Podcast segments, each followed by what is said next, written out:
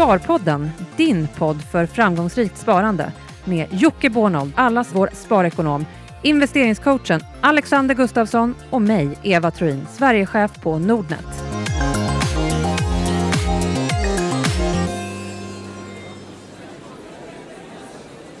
Kan vi få silence of the crowd? Då kör vi! Varmt välkomna till Sparpodden nummer 200 på Hobo Hotel. Yay! Och vi är live! Vi är live! Så det, Fantastiskt! det är Ja. tisdag 5 september. Vi spelar in det här. Vi gör det live. Vi har en fantastisk publik med oss som kommer vara med oss under kvällen. Men för er lyssnare så ska vi bjuda på ett fantastiskt jubileumavsnitt. Ja, och eh, det är ju 200 avsnitt som har passerat, eller snart i varje fall, eh, 199. Eh, Det finns ju ganska många som har varit delaktiga i den här podden och eh, gjort den till vad den är idag. Så att jag tänker så här, avsnitt 200 är det väl läge att kanske blicka tillbaka lite grann och tacka dem som har varit med eh, och gjort Sparpodden till den podden är och också att den faktiskt har fortsatt att vara så bra den är. Burit den hela vägen fram Ja. till avsnitt 200. Precis. Absolut. Och eh, ja, vi får väl börja med eh, Günther och Jan som faktiskt drog igång den här podden 2013. Eh, jag kom in som Sverigechef eh, på Nordnet eh, samma år och då satt de här två och förnulade med lite idéer på att en podd borde man kunna göra med liksom, finans och ekonomi. Det var inte som om då fanns det inte så många poddar kring det här. Det fanns väl inga alls, mer eller mindre? Ja, men jag tror att eh, det fanns... Börspodden och tror jag, Sparpodden. Ja, jag tror att det var Börspodden som hade startat strax innan. Och då så sa jag till dem så här, jättebra idé, älskar er kreativitet. Skaffa 10 000 lys- lyssnare fram till ny- nyår så får ni köra vidare. Och sagt och gjort. De Ja. tog det här. De tog det och 10 000 lyssnare hade de eh, vid årsskiftet. Och sen dess har det ju bara rullat på. Eh, sen så lämnade ju faktiskt både Günther och eh, Jan till eh, nya utmaningar och eh, då fick jag och Johan Tidestad eh, lite snabbt och hastigt hoppa in i podden. Det var egentligen inte snabbt och hastigt, men det var någon som tog lite tid på sig att komma in till jobbet. Eh, så vi var tvungna att kliva in lite däremellan. Och eh, sen kom ju du Jocke. Ja, det lät nästan som ett barn. Sen, sen jag, Ja, nej, okej, vi ska inte gå in. Nej, det var inte så. nej, det är sant. Det har varit fantastiskt. Ja. Det här, jag tror det här är mitt hundrade avstt faktiskt. Jag tänkte säga det är det. Ja. Så det är lite extra jubileum i sig. Ja, kanske det största jubileet. Nej, men det har varit fantastiskt kul. Jag har en kompis som gav mig 25 avsnitt. Han trodde de skulle lägga ner podden efter det. Så att jag, nej, jag har förvånat en del också. Men det är kul. Och i början när du kom in så hade, vi ju, hade ju du en sidekick i form av Peter Benson Ja, som var med dig. Just Men han det. är fortfarande med dig lite grann, fast inte i podden lika frekvent i varje fall. Ja, vi har en spin-off som det eh, brukar heta eh, i form av någonting som vi kallar för aktiesnack med Börsplus. Eh, och det finns ju på, kan man hitta på Nordetbloggen eh, och på vår Youtube-kanal och lite överallt. Men det är video, rörlig bild. Men vi pratar aktier. De har samma mål där, 10 000 tittare innan årsskiftet, annars lägger vi ner den. Ja. Så Pressen. kolla många gånger. Men det är kul. Men det är bara aktiefokus. Snyggt. Yes. Men det är väl lite det här vi kanske ska lägga lite tid i Sparpodden, avsnitt 200. Det är eh, fem kalenderår vi har bakom oss. Och varför inte ta tillfället att faktiskt blicka tillbaka lite. Vad har hänt på börsen under de här fem åren? Nu har vi ju fokuserat på Sparpodden. Det har ju faktiskt hänt lite andra saker än Sparpodden under fem år. Eller Ja, har och det är väl det? som har gjort att vi har haft något att prata om i Sparpodden. Så att det, Ja, det är är det. väl, Det är sant. Ja. Nu, nu har jag ju avsnittet till ära förberett lite. Ja, fantastiskt! Första avsnittet av 100 som har förberett så här fint. Eh, Asch, asch, asch, asch. asch. fantastiskt. Nej, eh, det är få som har missat, men vi har ju, vi har ju haft en ganska bra börs de här senaste fem åren. Kollar man på Six Return Index så är vi nästan dubblering, 100% upp. Ungefär, vi är 92%. Eh, och det har hänt en hel del vad gäller aktiebolag på börsen. Vi är ju faktiskt uppe på all time high vad gäller antal bolag noterade på svenska börser. Det är faktiskt nya färska siffror från i morse. och den eh, klockar in på 784 stycken bolag noterade på svensk marknadsplats. Bara för att reflektera lite så hade vi 2013 då 502 stycken. Mm. Så det är en ganska kraftig ökning. Och någonting som har bidragit till det är ju alla dessa introduktioner som vi har haft av Jajamän, spännande bolag.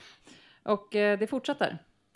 det gör det. Eh, Det är ganska kul. 2012 tror jag någon skrev att börsen är död. Eh, Dagens Industri tror jag. Då var det nästan inga noteringar alls. Eh, Ja men 11-12, då var det verkligen stiltje. Helt, då- det, det var ganska dött, Ja. det får man väl säga. Men då var det någon slags profetia om att börsen kommer aldrig komma tillbaka. Det kommer vara ointressant. Ehm, men den är ju lite starkare än så. Eh, och det är kul att den gjort den comebacken. Eh, men eh, det här är ju sanslöst mycket bolag som kommit in. Eh, det finns ingen marknad i Europa som varit i närheten av att ha den här typen av takt på nya bolag. Eh, och eh, det är väldigt, väldigt speciellt att det är så i Sverige. Och, och om man då ska tänka lite, då 2011-2012, då sa man att börsen är död. Och nu sitter vi här och säger att det är all time high och det är glada tider. Ja, Vad, vad kommer hända härnäst då? nej, jag tror inte det är någon Nej. sån här... Det, Det kommer alltid en all time high. Ja, vi det- hade en all time high 2013. Nej, vi det- hade det 14, och 15, och 16 och 17. absolut, det är det där. Börsen är ingen graf. Jag vet inte, jag blir lite så här... Det är många som pratar Mm. mm. toppish och det är, nu är det nu är liksom någon aktie. Nu är det någon Mm. taxichaufförer utanför som pratar aktier. Ja, då är det, då är liksom börstoppen nådd och så. Jag tror inte på sånt. Det där är ju skrock. Det är så. Jag Ja, tror inte på det. Den fortsätter i all evighet. Nej, den kommer, den kommer till och med krascha, men vi vet inte Ja. när. Men, men om man tittar på introduktionerna då. Vi hade förra året, eh, nu har jag siffror framför mig här så jag vet ju faktiskt exakt, men vi hade 134 stycken förra året. Mm. Hittills i år 41 eh, och då vet ju vi att det kommer mera. Många. Många. Det kommer dubbelt så många i höst som det gjorde i våras. Ehm, är det ett sundhetstecken? Att det noteras så här mycket bolag? Ja, så länge kvaliteten är bra på bolagen som kommer är det ju det. Men är det det då? Ja, det är blandat. Ja. Eh, och jag var ute och kritiserade rätt hårt i någonting. Det finns något som heter DI Digital. Eh, kritiserade ett bolag som har en penna. Det ser ju inte lyssnarna, men eh, ni ser det. NS Ventures. Eh, för att eh, jag kritiserar dem ganska hårt i DI. Just kvalitet på bolag. Framförallt kvalitet på deras informationsgivning kring bolagen. Och den blir ju extremt viktig när det kommer till IPO. Vad ska man lita på? Man måste kunna lita på bolagens information. Jag skällde lite på dem och då bjöd de in mig på en kaffe som jag var precis innan vi spelade in det här. Var jag hälsade på dem. Och det gillar jag. Jag uppskattar sånt när man kritiserar och eh, de ringer upp en och vill fråga varför och försöka lära sig något av det. Så det, det är Snyggt. till Starkt av dig också att gå på, på det där kafferepet. Ja, Nej, men det- jag hade bjud in honom på eh, kaffe, han jag kommer. hade en kevlarväst. Eh, nej. det hade jag inte. Förlåt. Men det har ju faktiskt hänt lite hos oss också. Det har under hänt de här väldigt mycket hos åren Nordnet. på Nordnet. Nu pratade vi Sparpodden, men Det är ju en av de resorna vi har gjort. Men eh, det har ju hänt, vi har ju vuxit enormt mycket. Vad, om vi kollar eh, hur många kunder har vi idag versus 2013? ja, det är ju eh, nästan en dubblering, inte riktigt, men det var, vi hade var 366 000 eh, 2013 och nu är vi 620 000 ungefär. Undrar om det är 92% tillväxt. Exakt som börsen. Det hade varit ett väldigt mystiskt sammanträffande. Det behöver inte vara Nej. helt otroligt, för jag vet att eh, det finns vissa korrelationer med andra delar av vår verksamhet Ja. med både börs och eh, ja. Men, men vi har ju också några milstolpar. Vilka, jag tänkte vi kunde blicka tillbaka lite grann och prata om vad som har hänt under de här åren. Vad har liksom Nordnet gjort under de här åren? 2013, ja då kom Shareville som har varit en eh, Ja, men som är unikt i sitt slag fortfarande, som är en plattform. Jag tror att många här som sitter här vet säkert vad det är, men en plattform för socialt sparande där man kan dela sin portfölj med andra. Då, när vi lanserade Shareville 2013, det är så härligt hur man har såna stora ambitioner och framtidsutsikter, så sa vi så här, 10 000 användare, ja det är liksom, och styrelsen var så här, ja alltså, ja, mm, det är ett rätt tufft mål. Hur Kanske. Kanske. Hur många är vi nu, Alexander? 150 000 plus. 150 000 Det är, användare. lite, det är lite galet. Vi bor i Sverige. Jantelagens hemmaland. Det är så här, ah, men pengar och investeringar. Nej, nej, nej, nej, nej, nej. Det får man inte riktigt hålla på med. Här är 150 000 i Norden som säger, nej, jag struntar i det. Jag vill prata pengar och investeringar. Jag tycker det är kul. och det finns ett forum att gemenas över. Så det är ganska coolt, tycker Ja. jag. Och eh, vi har ju också sett på statistiken att eh, våra kunder som är på Shareville är faktiskt mer framgångsrika i sina investeringar. Och det var ju själva tanken med Shareville. Att vi Snyggare skulle... också än ni så? Ja. Ja, den analysen har inte jag gjort än, men, men mer, vi kan se Men att de har du kan ju kolla här förlåt. inne, Ja, ja, ja. så ser du ju. Definitivt. Ja. Det var faktiskt, Shareville var det som skrämde mig mest när jag tog det jobbet. Eh, därför att det var ett, du ville ju att jag skulle visa upp min privata portfölj och jag gör det också. Jag har mitt privata innehav på Shareville eh, och de aktier jag äger där är de aktier jag har. Eh, rätt läskigt faktiskt eh, att visa upp det. Eh, det kan bara gå fel liksom. Men eh, det, nu tycker jag det är kul. Ja. Det är skojigt. Men du är mänsklig du också faktiskt. Ja, i allra högsta grad. Ja.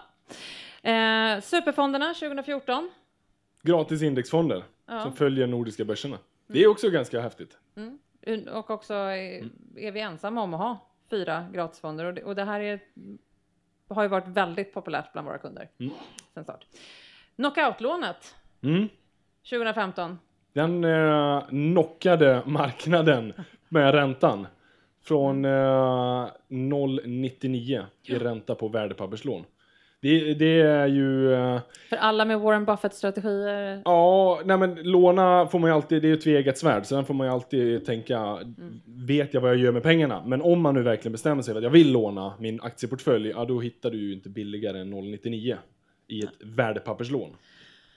Vi går vidare. Mm. Vi ska inte ägna all tid åt det här, men gratis courtage 2016 som också har gjort att eh, vi har... Alla trösklar, vad heter, Precis, komma igång. att komma igång med sparande har aldrig varit enklare. Och 2017, vad händer i år? Berätta. Ja. Berätta. Det är fruktansvärt mycket som händer. Ja. Jag tror att vi har en sak ligger på era bord. eller Liksom vi kan, det ser ju inte ni som lyssnar förstås då. Det blir lite konstigt när vi sitter i båda Men medierna. alla de här inne ser ju och har ju förmodligen hört. Alla våra lyssnare måste ju ha hört också. Ja. Vi har ju blivit med robot. Vi har blivit, vi breddar oss Ja. och eh, börjar Jocke, också... han titta klarar på- inte av det här längre. Så vi behöver, vi behöver ju robotar som tar över. Ja.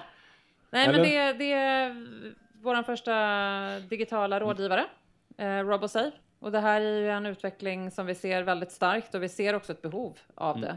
Eh, I samtal med, med våra kunder så är det många som vill eh, vara aktiva i en del av portföljen men kanske sätta på en autopilot på en annan del av portföljen. Eh, jag kan räcka upp handen med det när man har mycket att göra ibland så vill man bara liksom checka upp, checka, liksom, starta igång den här autopiloten. Så att RoboSave är, eh, är eh, väl hittills det som är störst, men Ja. eh, mer kommer det kan vi väl lugnt säga. Kommer det något imorgon? Får jag säga det eller? Nej. Nej, det får du inte, men det kommer något imorgon. ja, nej, vi får inte säga det. Har men det man kommer, sagt det, A så måste man så säga... B. Nej, men Nej. Det, det, jag har fått tydliga riktlinjer, eh, men imorgon Jag känner, jag kommer berätta det. Nej, jag kom alldeles nervös här vid sidan av. Ja, men imorgon kommer det vi lansera ytterligare en, en, en nyhet så att eh, det, vi har mycket för Mm. oss. Och det är många månader kvar på det Ja, här det är året. ju det. 100 dagar fram till jul hade de satt Ja, upp i just vår det. reception i Ja, jag såg det också. Åh, blev alldeles nervös. Ja. Ja, men eh, det är väl det. Men jag tänker så här. Favoritavsnitt under den här tiden? Vi Det är ett ska... jubileumsavsnitt ja. Vi måste ju grotta lite i historien. Ja, lite. Ja. Lite. Li- lite. Ja. Jag, kan inte komma på något. Det, Du, du har funderat mycket på det här. Ett, Ja, favorit, ett favoritsparpodden-avsnitt. Ja, det finns så många. Det enda Ja. som ploppade upp var champagne och jag vet inte riktigt om det har med Sparpodden att göra så att jag kände att jag kanske inte ska... Det hade jag också faktiskt. Jag kanske inte ska... Det finns mycket bra. Vi har Mm. haft otroliga gäster i podden under åren och det är egentligen de som kanske mest sticker ut för en själv där man har fått uh, Mm. inåt. Men jag, jag, har, jag har ingen sån här spontan. Jocke, du? Nej, men jag gillar, eh, jag har massa. Eh, men jag har ju en är ju med Onkel Tom, eh, som den här killen från Linköping som eh, har valt att leva väldigt, väldigt snålt. Och mm, han jobbade kvar i, när han var med i podden, men nu har han slutat jobba eh, och bor på, på landet och försöker leva som minimalist. Han, han var så otroligt långt ifrån mig själv. Eh, vilket gjorde att det mötet blev eh, väldigt roligt. Jag tyckte det var väldigt, väldigt skoj. Annars är ju allting när det stökar till det, när vi bråkar med folk. Jag gillar eller med folk, med företag. Jag gillar det, jag älskar det. Jag tycker det är jättekul när vi petar i grejer som gör att folk blir irriterade och arga. Jag gillar det, för då vet man att jag har gjort rätt. Ni liksom- förstår hur lätt jag har det på jobbet med Jag, är ju, jag är ju någon slags anarkokapitalist. Jag gillar ju att bråka lite också. Ja. Jag gillar det. Jag gillar att kasta sten i glashus. Jag tycker när vi gör det är det roligt. Är, är det här ett löfte då kanske att de kommande avsnitten, där kommer vi bråka och stöka ännu Nej, men mer? vi ska göra det. När det, finns, när det är berättigat, då ska Ja. man göra det. Och det är ju så här att man agerar väldigt olika. Nu var det just de här NS Ventures som agerade genom att eh, bjuda in mig och, och fråga och försöka förstå min kritik. Eh, men många, Ingen muta, hoppas jag. Eh, ingen muta. Men, En men, penna eh, fick du. mu- Mutor kan också funka. Nej, Nej, det gör de inte. Eh, eh, men, men, eh, men eh, andra agerar ju Mm. väldigt annorlunda. Och, eh, under de här två åren så är det i alla fall två stora finanskoncerner som har eh, eh, hotat om stämning och sådana där grejer. Och det glädjer mig. Jag tycker inte ni ska bara hota. Jag tycker ni ska stämma mig. Jag tycker det skulle vara fantastiskt kul att möta en, Okej, eh, en, Alex, finans, eh, en finanskoncern i, i, i rätten. Eh, det skulle vara jättekul. Okej, jag blev lite Snabbt- varm snabbt helt plötsligt. Jag tänker, Ja. Alex, har du något Ja, men det är samma där, det finns ju... Eller kanske favoritspartips eller aktie under de här åren? Mm, ja, men om jag ska säga ett favoritavsnitt så gillar jag ju den som vi... Det var ganska nyligen med Sean George. Som jag och eh, Jocke spelade in. En, en eh, riktig liksom amerikansk-svensk. Han är investment banker. Jag Han, blev lite rädd för honom faktiskt. han investerar i vapen och... eh, Ja, han var galen. ja, Han var var, han väldigt var liksom trevlig galen. och väldigt kul. Otroligt ödmjuk också. Mm. Eh, och sympatisk. Så det var väldigt, väldigt roligt avsnitt. Sen så gillar jag faktiskt en, en gammal klassiker med Günther och Jan. Där de gjorde dubbelavsnitt med Börspodden. Det var väldigt ja, populärt. den var bra. Den var Det var riktigt kul. bra. Den var, den var också riktigt snygg. Eh, har vi lite mer då? Har vi någon favoritaktie? Det är ju ändå... Vi, vi, det är ju en aktiepodd. Jocke, har du någon favoritaktie? Ja, men det är Volvo. Jag kommer ju alltid äga Volvo. Det var det första du Eh, sa när du klev in ja. i podden också. Det är Volvo. Jag, jag, Det rullar på. Nej, men jag älskar det. Jag ville ju bli lastbilschaufför när jag var liten. Ja, det är där. Eh, jag vill fortfarande bli lastbilschaufför. Kanske blir det någon gång. Eh, nej, men det är ett sånt där bolag som jag alltid haft i portföljen.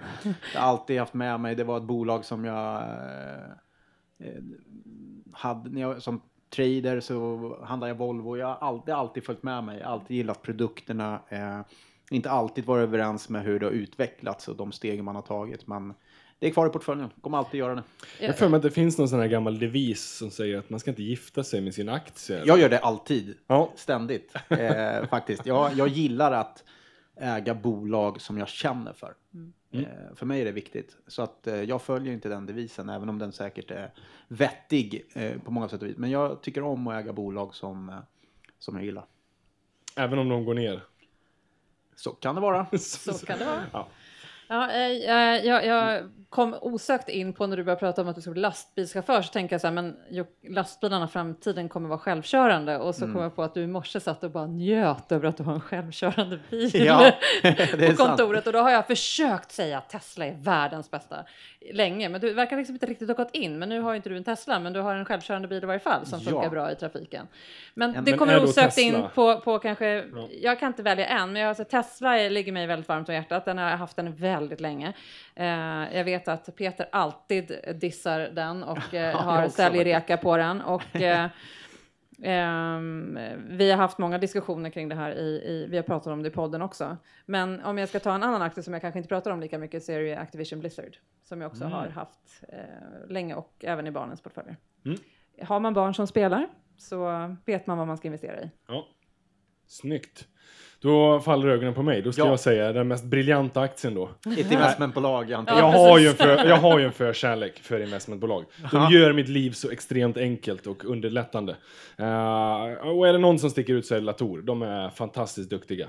Jan Svensson i, uh, vid rodret har gjort det sedan 23 kanske, 2000, 2004. Uh, Göteborgsbaserat, det är också lite kul. Jag är ju från västsidan, bästsidan av Sverige. Jag satt i halsen. Oj, var det någonting? Nej, jag, Ja. jag ska... Nej då, men det, är väl, det får vara en favoritaktie då. Om vi ska ha en. Ja, men det Ja. har man väl? Ja, ja, ja, men det är klart ja, man har. De kanske inte... Sen, men sen har man ju hela portföljen. Det är det jag tycker är jobbigt, att ha en aktie. Jag, för, jag pratar ju ofta om att risksprida sig.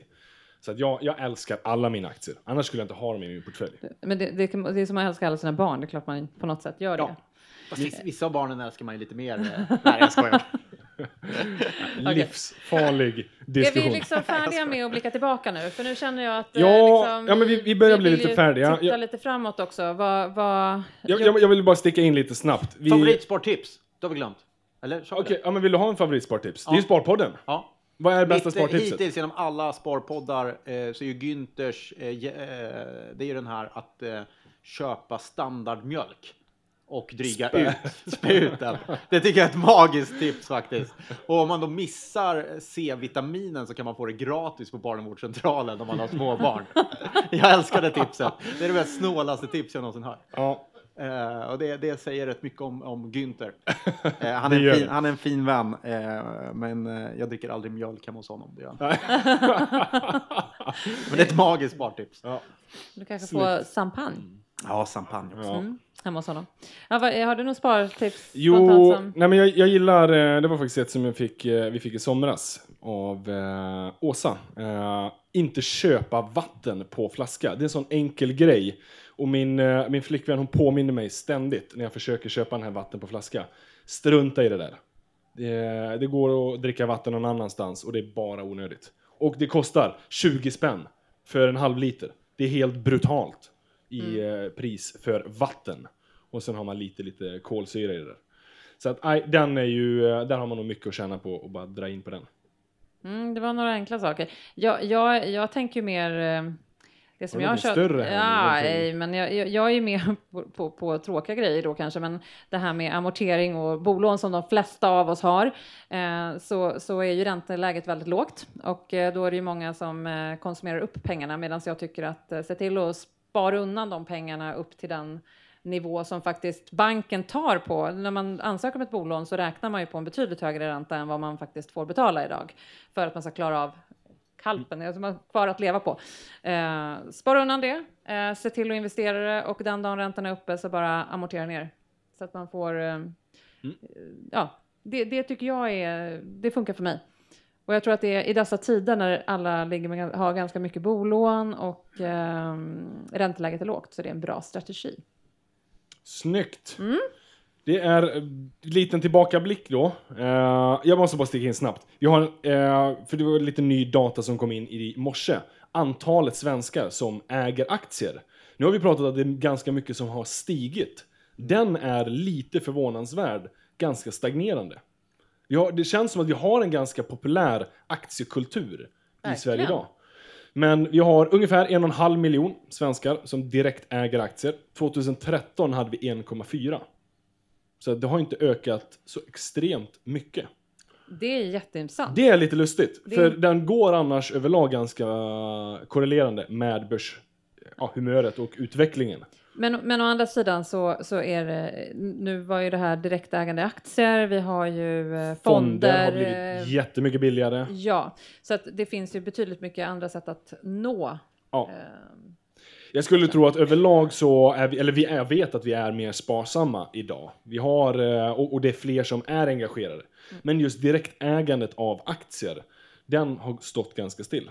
Och det tycker jag är lite synd. Det är synd. Alltså- Samtidigt måste man komma ihåg att, att eh, medelåldern, ja, det skulle vara intressant att se medelåldern också. Därför att den har varit ganska hög och den, den kommer alltid vara hög. Det är Ja. naturligt att man i, ju äldre man är, desto mer eh, intresserad blir Tid man. har man. Eh, tid har man, pengar har man. Ja.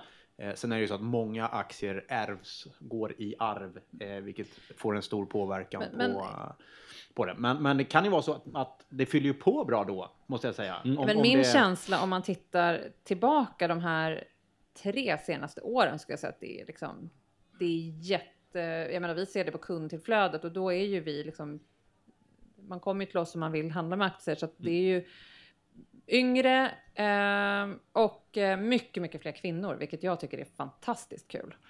Eh, att vi får både liksom en yngre generation som kommer in och, och börjar intressera sig för pengar och att spara pengar Mm. och, och också kanske prova på att köpa själv. Och också traditionellt sett är det ju faktiskt väldigt mycket män. Ja, mycket, och av de en och en halv miljon så är det ju majoriteten män. Ja, men det börjar vi se. Ja. eh, på, på det, våra kunder som kommer in nu så ser vi en stor skillnad och det är jättekul. Men går man miste om någonting då om man inte direkt äger aktier? Eller är det lika bra med en fond idag? Vad känner vi då? Jag kan tycka att det är ganska allmänbildande att vara direktägare i ett bolag. Sen så har jag ju full förståelse för att man har inte alltid intresse, kunskap, vad man ska sätta sig in i. Då är ju en fond en, en fantastisk lösning. Nej, men jag, jag, jag tycker att det är, det är väldigt individuellt. Eh, jag försöker lära mina barn, då, om jag ska gå ner till den generationen, de, de fattar ju liksom att de äger en del av ett bolag och det tror jag är liksom den här allmänbildningen. Man blir också mer intresserad av vad, hur saker och ting påverkar den svenska marknaden eller påverkar de bolagen man är eh, investerad i. Mm. Så att jag håller med dig, men jag har full respekt för att alla inte har samma intresse och tid för det här. Jag har ingen respekt för det. Nej, okej, men jag har det. Och, och då, då finns det ju RoboSave eller andra för de som vill eh, ja, gö- Ja. göra annat. De kanske håller på med massa andra fantastiska idéer som gör att vi blir bättre på andra sätt. Eh, hur kan det, du ser väldigt förvånad ut. Hur kan det? Hur kan, hur kan det vara så att människor inte är intresserade? Av nej, men det är, Ja. nej, men det är väl naturligt, absolut. Eh, sen tycker jag det, finns det fördelar med att själv äga? Jo, det gör det. Du nämner några. Jag tror också att man faktiskt kan eh, göra ganska bra ifrån sig avkastningsmässigt genom att eh, utnyttja att man är en liten aktör eh, till skillnad från de stora fonderna. Så det tror jag, jag tror faktiskt det finns en edge där. Eh, även om många ständigt vill påpeka att så inte är fallet så tror jag faktiskt det är fortfarande. Alltså att köpa tjäna- aktier. Att köpa enskilda aktier går det att överavkasta. Jag tror faktiskt. Ja. Nu tycker jag att Ja. vi tittar framåt. Vi, ska, vi ska förutspå de kommande fem åren. Jag tänkte att ni skulle få göra det. Ja, det är Jag ganska... har ingen aning om vad som kommer att hända de närmsta fem åren, men, men eh, Den som visste. Men vi Ja. har ju lite, det, det hör ju lite till att man vill ju börja reflektera lite över vart, vart har vi vandrat och vart ska vi vandra härnäst. Eh, det är ju ingen av oss som vet var vi kommer stå i procenten eller i punkter OMXS30 om fem år. In, inte ens Jocke vet Nej. det. Men däremot så kan vi börja se lite trender och den är jag ganska intresserad av. Vad har vi för trendspaningar över liksom allmänt börsklimatet? Jag, jag kan nästan börja känna direkt så här att, precis som vi sa tidigare, det finns ganska många som vill hitta de här toppsignalerna. Det, och den skaran känns det som att den ökar och ökar. Alltså man he- helt enkelt ropar lite varg, säger att nu kommer börskraschen. Kan det här få en självuppfyllande profetia eller är det fortfarande för små aktörer som är inne och, och pratar om det? Nej, men så är det ju. Vi, till slut kan det ju bli så. Absolut. Ja, förr eller senare får man ju rätt. Ja, någonstans är det ju så. Börsen går upp och den går ner och ibland står den still. Liksom. Det, är- det, det är inte svårare än så. Men, men eh, långsiktigt, det är så här. Det är som, det är som Peter Benson brukar säga. Om, om det inte blir atomvinter eller att eh, Ragnarök kommer, liksom, ja då är börsen bäst att vara på. Det, det tror jag är stenhårt på. Annars så har man ju ingen, då ska man ju inte vara på börsen. Nej. Så enkelt är det ju. Så På att- lång sikt. på lång sikt. Så att eh, visst, det kommer komma nedgångar, men kommer den komma nu eller om ett år eller om tre år? Ingen aning. Eh, Det är ju inte den här euforin på börsen. Det har vi pratat om tidigare i podden. Det är ju inte så här att det känns som aktiemarknaden är helt bananas och värderingarna är helt galna. Det är inte i närheten av den typen av värderingar. Så bolagen levererar ju och börsen kanske är lite högt värderad men kommit ner lite nu. Eh, det finns väl alla förutsättningar för att ha flera bra år framåt. Om, eh, om allt, går, allt går rätt. Men det är klart att det är alltid många saker som kan hända på vägen. Ja. Men det är mycket, jag skulle säga så här, det, ja, visst, det är klart att profetian kommer landa, men, men vi har ju en omvärld som är rätt ordentligt osäker just Mm. nu. Med eh, Nordkorea, eh, Trump vet jag inte riktigt var jag ska placera någonstans. Mm. Han känns alltid osäker. Och en skuldkris och så vidare. Ja. Ränteläget, Ja. eh, så det, det är mycket. Det är mycket annat som som på något sätt. Ja, när räntorna var på väg neråt så, så var man i ett annat läge. Nu är ju allting talar för att räntorna kommer att börja röra sig uppåt. Sen hur fort det kommer gå, det är väl en annan eh, femma. Ja, förhoppningen är ju i takt med att ekonomin stiger. Jag brukar tänka så här, okej, vi har kanske en del toppsignaler eller kanske inte. Det viktigaste i slutändan, det är ju så här, vad, hur, för mig, ska jag använda mina pengar inom en snar framtid? Nej, förmodligen inte. Ja, men då är det in på börsen för mig. Sen så, ja, det kanske faller på ett år eller två. Ja, ingen är ju gladare än jag, då kan jag köpa lite billigare aktier. Ja, Krema kommer vara lite förbannad, det kommer jag. Och vi kommer svära Ja. lite i podden. Men överlag, som sagt, det kommer en ny börsuppgång efter det. Så procenten då? Ni har inte ens någon gissning? Nej, jag har ingen år. aning. Ja, men fem år, fem år skulle jag säga att vi är högre än från idag. Ja. Det, det, Det är är ju, sant! Överlag så har vi ju en fem Vilken- år en ganska du, är så, bra... du är så wild and crazy. Nej men Nej, om men man ska klart. statistiskt sett så talar det för att vi har en högre nivå än idag. Alltså Ja. rent statistiskt så har en Absolut. femårsperiod ofta varit fördelaktig. Ja. Sen kan jag inte garantera det. Plus att du har fått fem års utdelningar också. Så att, eh, Ja. Mm. Ja, men, men kommer vi sitta här och prata podd om fem år? Eller vad kommer vi, vad Det kommer, är liksom, vad kommer den här... eh, Avsnitt tänker- 400. Jag kommer jobba som Sveriges sista lastbilschaufför. Kanske. Okej, vänta nu, är det här någonting du vill säga till mig? Nej, Nej, det är bra. det inte. Jag bara säkerställa här så att det är lastbils. Eh, Jag, jag är inte redo än. Men eh, jag tänker att, för jag menar, när vi startade Sparpodden så var verkligen podcast, det var ju nytt för, framförallt för eh, ekonomi och prata pengar. Men eh, vad är vi om eh, fem år då? Är det Return of the Fax? Får vi se faxens återkomst? Ja, kanske. Nej. Nej, men jag tror det kommer utvecklas. inte. Jag hoppas det. Det, Ja. är ju super... det- det finns ju ett intresse av att mötas. Ja, För nu är vi ett gäng här som träffas och det tror jag alltid kommer finnas. Mm. Eh, och där tror jag att det är... Eh, det var nog Bonnesen som pratade om det igår på eh, den här eh, Stockholm Tech, heter det där? Stockholm Tech, ja. eh, om eh, var går gränsen för mellan det personliga mötet och digitalisering. Att någonstans där finns det ett möte som ska göras. Och det där är spännande. Och det är, jag tror vi hoppas att man kanske träffas lite mer så här och snackar aktier. Det vore rätt kul. Inte bara poddar och Twitter och eh, att det kanske blir kanske så här. Det är en spaning. Den gamla klassiska aktiesparklubben. Det är rätt mysigt. Det är rätt trevligt. Jag hoppas på den. Ja. Om fem år, då, då, då är den het igen.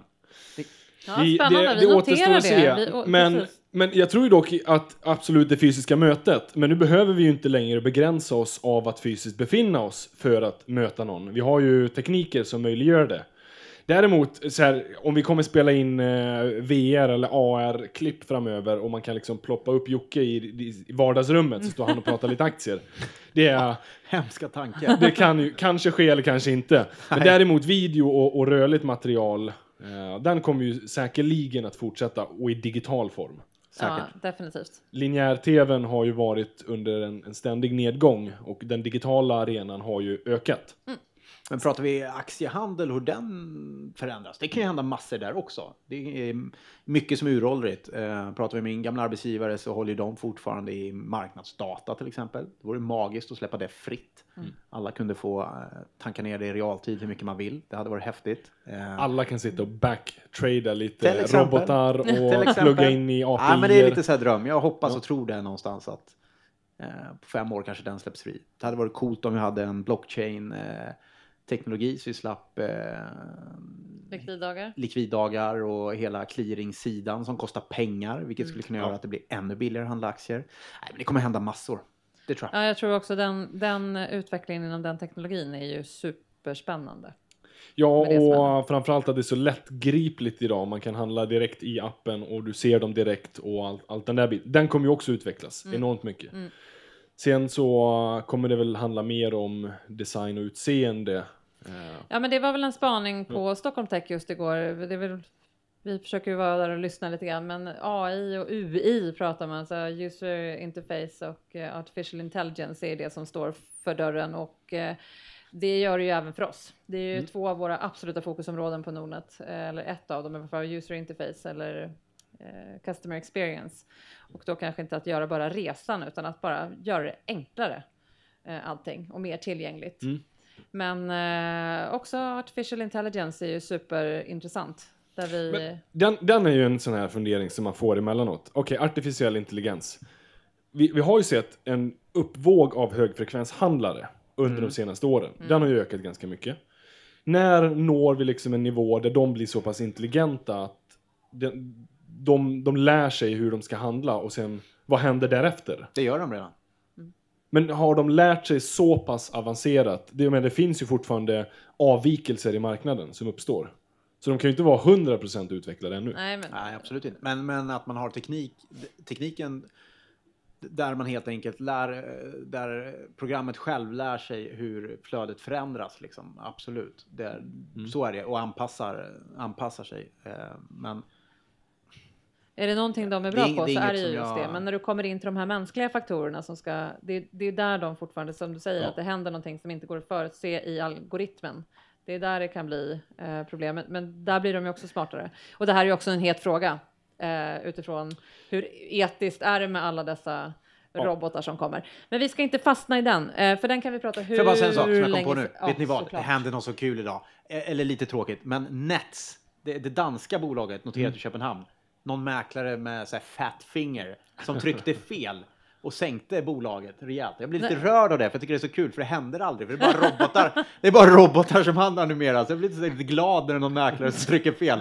Jag tryckte ner den där aktien. Jag vet paniken, jag har själv gjort det i flera bolag eh, genom åren. Eh, Hur mycket föll? ah, jag vet inte. Eller var, alltså, bara en, de, det Ja, var blev för stor säljorder? Det blev som en flash crash. Typ. Jaha. Ja, det var kul. Det finns fortfarande lite manuella fel på börsen. Det tycker jag det är I, vackert. I Danmark. Ja, det var Ja. på Köpenhamn idag. Men vi hade väl också, jag tänkte på, eh, du berättade, jag hade ju missat den här med Cloettas, eh, om vi ska prata om lite roliga Ja. saker som händer idag. som Ja, kanske den är lite... är ju en total miss. Det är ju, tyvärr, det här är ju bara en ren miss, men Cloettas marknadschef idag eh, eh, har ju rapporterat till Finansinspektionen att han har tagit upp en blankningsposition i Cloetta. Och det är ju Jag vet sagt... inte riktigt hur stämningen var på jobbet när han kom på morgonen. Ja, den är ju egentligen, den är ju bara jobbig. Eh, tyvärr, att, att blanka som marknadschef sitt egna bolag, då är det illa. Eh, det var en, Då tror man inte på sig själv i alla fall. nej, men det var också en sån här klassisk fat finger typ. Är jag hedgad sig själv då eller? Jag Ja, vet inte riktigt vad han... kanske. Ja, ja. Ja. Det, det korrigerades ju ganska snabbt Men det var en därefter. ganska kul, eh, det var, eller ja. Ja. det- Jag hoppas inte det får några följdkonsekvenser. då Nej, är det absolut inte. Och vi ska kanske inte skoja på andras bekostnad, men, men, Men lite. eh, lite. Just i det här fallet då kanske. Det är, det är jubileumsavsnitt. Ja, då får vi Då, göra då det. får vi, ja, kanske. Ja, Men regelverk. Åh gud, ska vi prata Det- regelverk? Fantastiskt. det är din mitt- vardag, Ja, Eva. det är min vardag. Det pratar jag en hel del om. Eh, kan många akronymer. varför får vi regelverk då? Eller vad, vad, är, vad innebär men, det men i konkret? huvudsaken de regelverk som kommer är ju för att skydda konsumenterna Mm. och att eh, göra det mer transparent och enkelt för kunderna på den finansiella marknaden. För det handlar ju inte bara om aktier utan det är så man, eh, det finns ju många regelverk som kommer. Det som är just nu är ju Mifid 2 som alla jobbar jättemycket för. Mm. Eh, och det finns massor av delar i det, men där handlar det mycket om att eh, göra det transparent för konsumenten vad man betalar för olika tjänster och eh, ja, till exempel rådgivning och allting. Vi måste liksom visualisera alla delar i kedjan där vi till exempel har ett samarbete med någon. Hur mycket ersättning vi får för det samarbetet måste visualiseras hela vägen till kund. Vilket är ju jättebra. Vi Ja. tycker det här är toppen, att det är ett jättebra regelverk eh, för att, eh, för att få upp det. Men sen har vi också... ehm, Men, men Mifid, om vi bara stannar där. Kommer det här att hjälpa? Kommer det här göra att slutkonsumenten känner sig tryggare? Är det inte, är det inte poängen, eller problemet i finansmarknaden inte... Dels är ju avgifter ganska otydliga, men det är ju en del ganska komplexa saker att hantera. Kommer det här hjälpa? Eh, Det återstår ju att se, det vet Ja, vi inte. Nej, men, alltså, det, det beror lite på vilket perspektiv man tittar Svårt på att det. förstå varför de gör Mifid 2 när Mifid 1 inte var någon succé.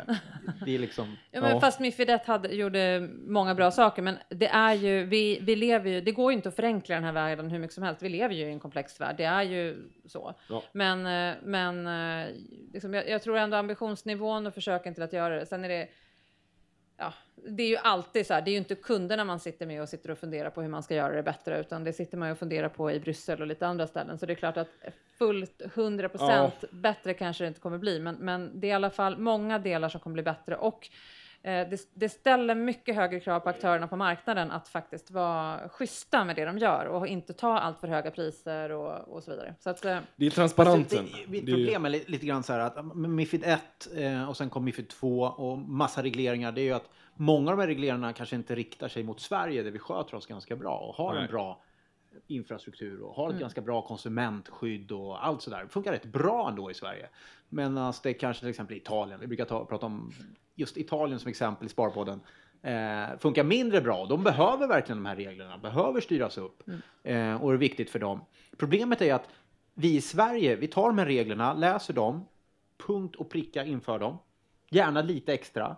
Medan Ja. italienarna tenderar att och, så här, och kör på som vanligt. Och det där blir lite stökigt eh, eh, faktiskt. Och det kanske är lite svårt med, ah, lite elakt, de, de har skött sig eh, också. Men lite så är det. Och, och man får akta sig för att de här regleringarna slår för hårt och hämmar för mycket och gör att vi som konsumenter kanske till exempel inte får den rådgivning vi skulle fått annars. Och så där. Så att, mm, Nej, men och, och, och där har vi ju faktiskt just med de här att lära av både Storbritannien och Holland framförallt som redan har implementerat stora delar av det här. Så att, eh, det tycker jag är bra, för Ja. då kan vi lära oss och inte göra om de misstag som de gjorde.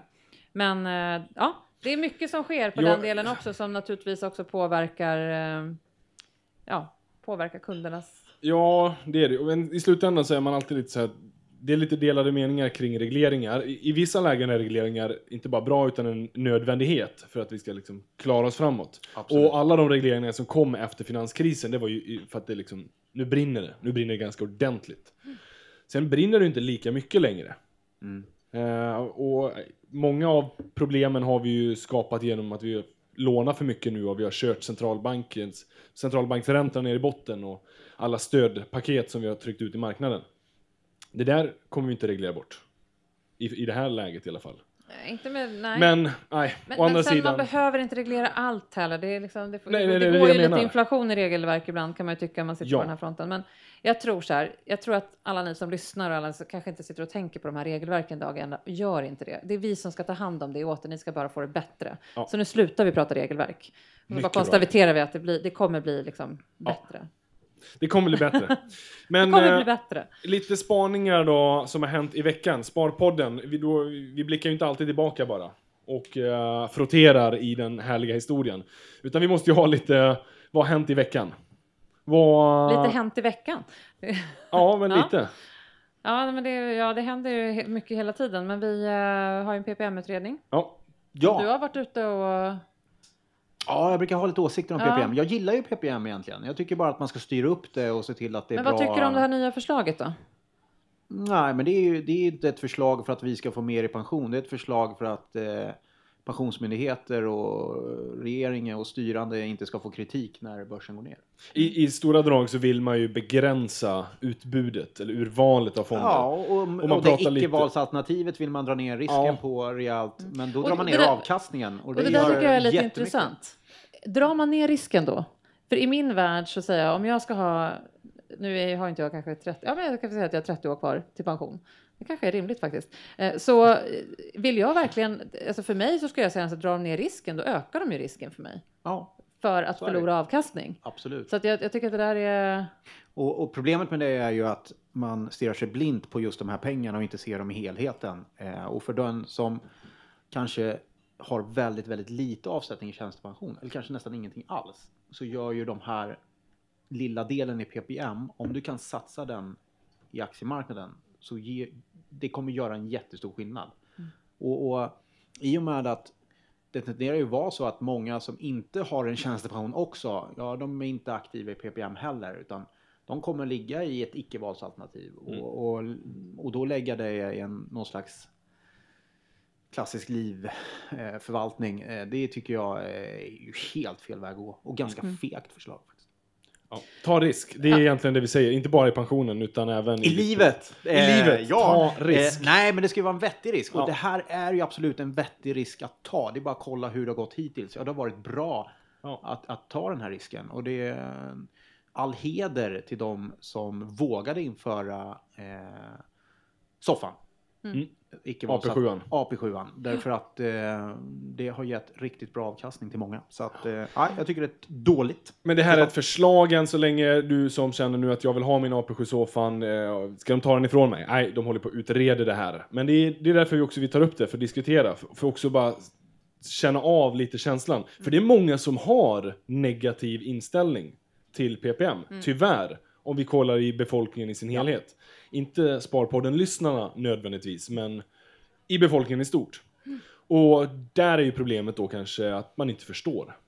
Och sen har man tyvärr blivit uppringd av någon eh, försäljare eller någon rådgivare eller vad det nu än vad de kallar sig. och, och lyckats tyvärr flytta över i någon riktigt, riktigt shady fond från Malta eller någonting. Men sen är det Mm. ju med pension att det är ju många olika delar. PPM Ja. är en del och det är klart att det, är man inte jätteintresserad så blir det väldigt mycket att hålla reda på. Och då tycker jag liksom den andra spaningen som vi har är ju någonting väldigt positivt och det är att man vill göra flytträtten enklare. Jag menar det här är också Ja. ett jidder att du ska ha 17 olika eh, försäkringar hos olika bolag. Det är klart att PPM då on top of it, det blir för mycket.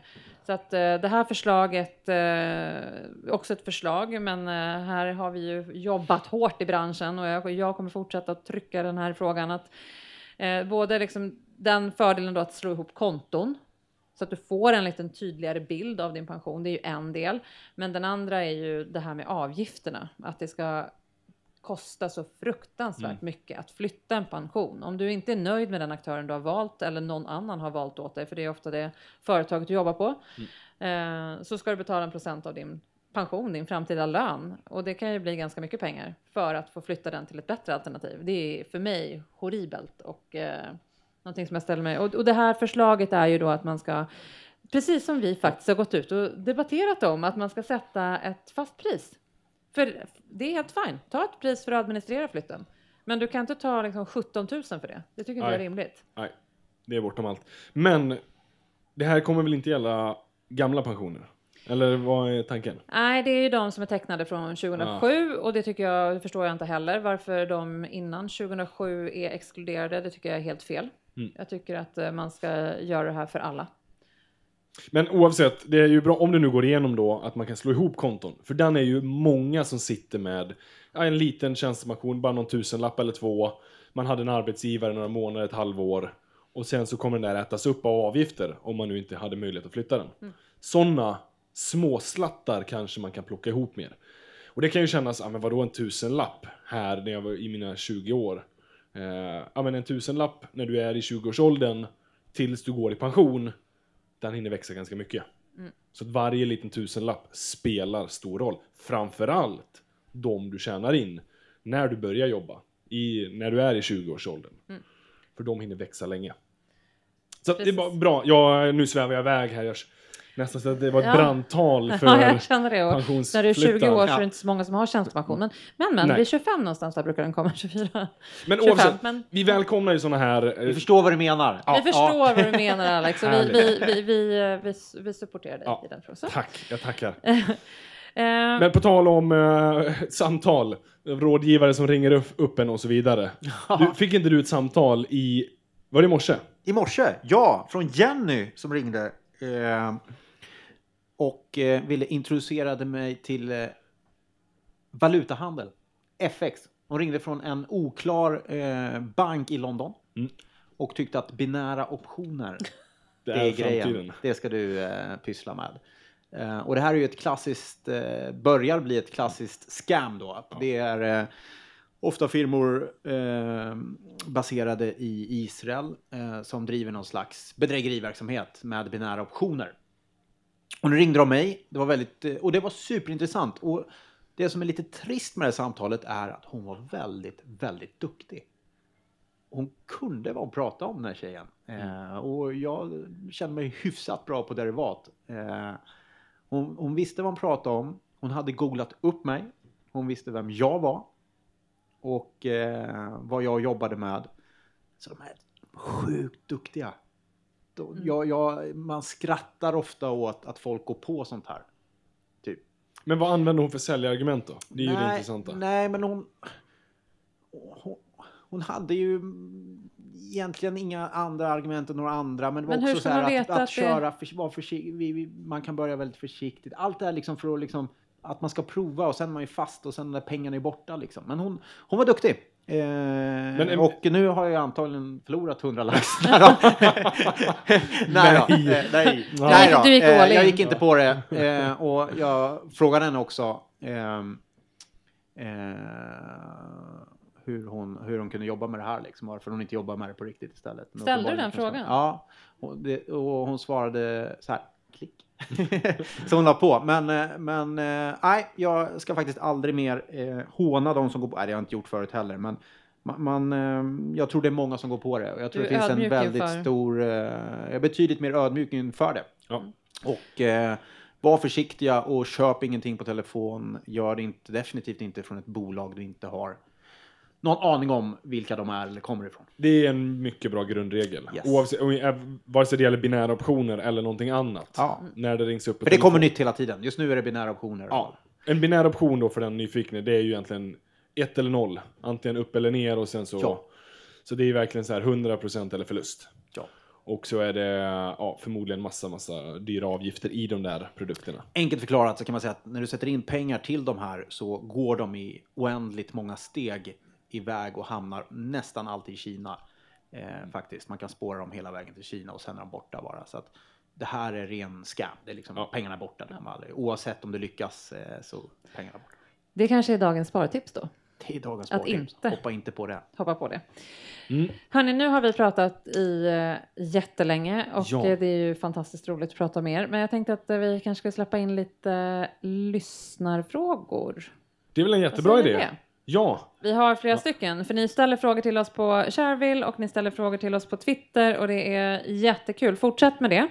Eh, vi har Yogit på Shareville som eh, frågar eh, och hoppas och tror att vi kan diskutera RoboSave eh, som vi nyligen har lanserat. Eh, och han vill ha svar på, han tycker att i beskrivningen av RoboSave ger mig intrycket av det enda värde som tjänsten egentligen tillför är automatisk ombalansering. Så är det då verkligen motiverat att betala en årlig avgift på 0,5? Ja, det är en högst relevant fråga. Eh, och ja, men RoboSave är ju då för den som har missat, det är en digital rådgivare. Det, det är liksom en, en, du får en färdig portfölj. Det är väl kanske där då svaret ligger. Vad är fördelen med det? Du besvarar på några frågor och sen efter din riskprofil får du en färdig portfölj. Och inte bara får den idag, om man sen sparar så ombalanserar dem och även omallokerar. Så att Den idag kanske det är bra med förvaltad. råvaror i den här mängden och sen aktier i den här mängden. I framtiden kan ju vara kanske läge att ha mer eller mindre aktier och då kommer den se till att, att du får det. Sen får man ju hela tiden tänka att, ja men okej, är jag nyfiken på det här, vill jag sitta och direkt äga aktier, ja men då är inte RoboSave kanske primärt byggd för dig. Utan det här är ju primärt byggd för den som känner att, alltså jag vill ha ett bra sparande, men jag har ingen aning om vart jag ska börja. Vilken av alla de här 150 000 ska jag följa på Sharewill? Jag vet inte. Jag vill bara få ett sparande. Där har du liksom. Ja, men det är en bra relevant fråga. Det är klart ni ska ifrågasätta våra priser. Ja, tycker jag. jag tycker det är exakt, jättebra. Avgifterna framför allt. Ja, det är. Mm. de, de ska alltid ifrågasättas och utmanas. och han har en till. Ja. Han, han har inte släppt den där. Utan Vet, han ställ... att den han? nej, ja, nej, faktiskt. Gud vad han... Yogigt. Jag tänkte på, Ja. på Yoda. Varför gjorde jag det? Ja, jag, strunt samma. Jag vet inte hur det där gick, eh, kopplingen i huvudet. Eh, Men, men Star eh, Wars. Robosave, det blev liksom... Ja. Ja, du vet.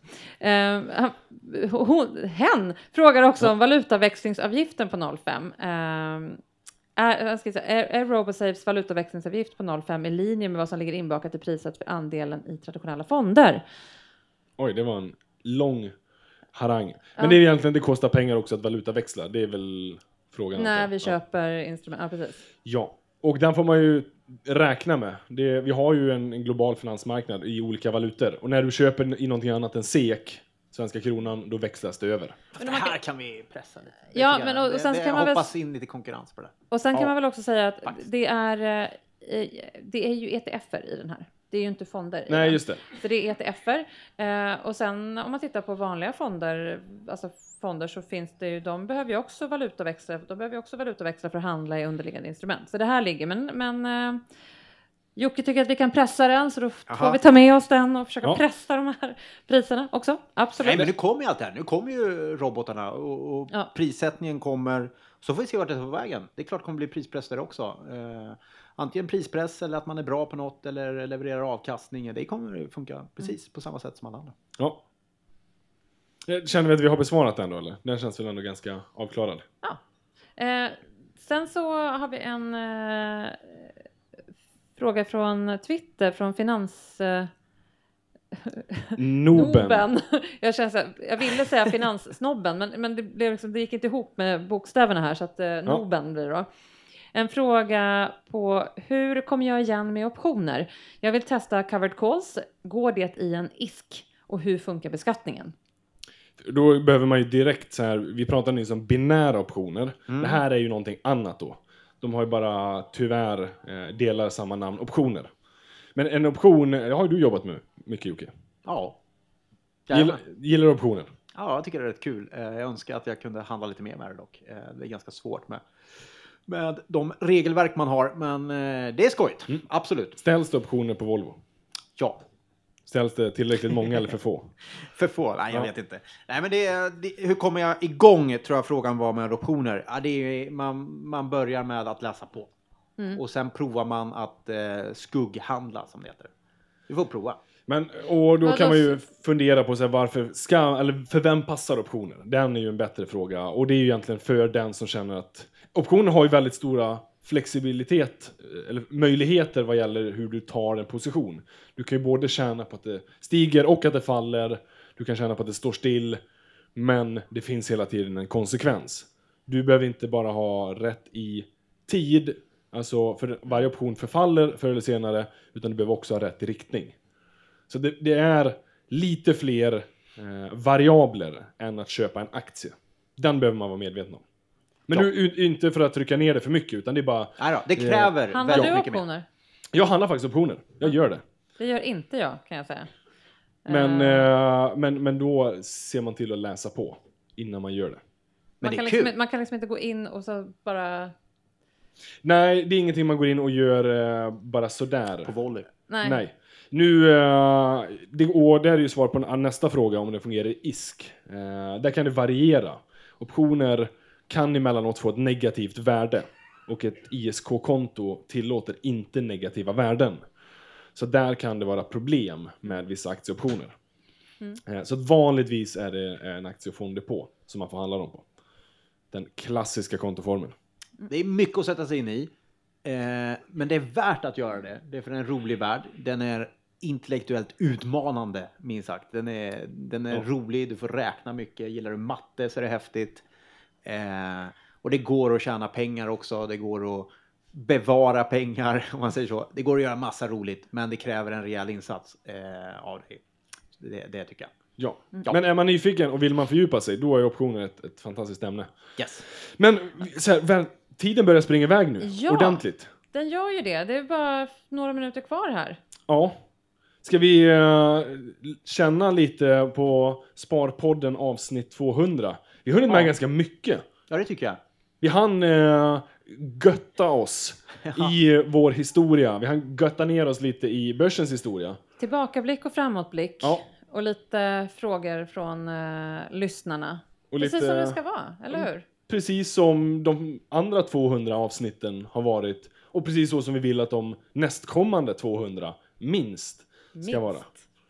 Sen får vi, vi får se hur länge vi håller det här. Men eh, så länge ni lyssnare vill att Sparpodden ska existera och så länge ni hjälper oss ställa frågor, var inne och påverka innehållet och tyck Ge till. oss feedback framför allt. Ja. Eh, vad kan vi bli bättre på? Vad, kan vi, vad är ni intresserade av att höra? För vi gör ju den här för er, även om vi det kan ju te sig som att vi tycker att det är ganska kul att sitta och prata med varandra också, men, men vi gör det här för er skull. Det är en bonus. Det är en bonus. Ja. Men så att än en gång, eh, stort tack till alla er som har lyssnat. Eh, Är det dags att säga tack? Ja. Tack för alla som har lyssnat, tack för alla som har följt oss på Facebook Live och framförallt tack för alla er som är här med oss på plats idag. Stort tack för att ni kom hit. Tack så mycket. Tackar!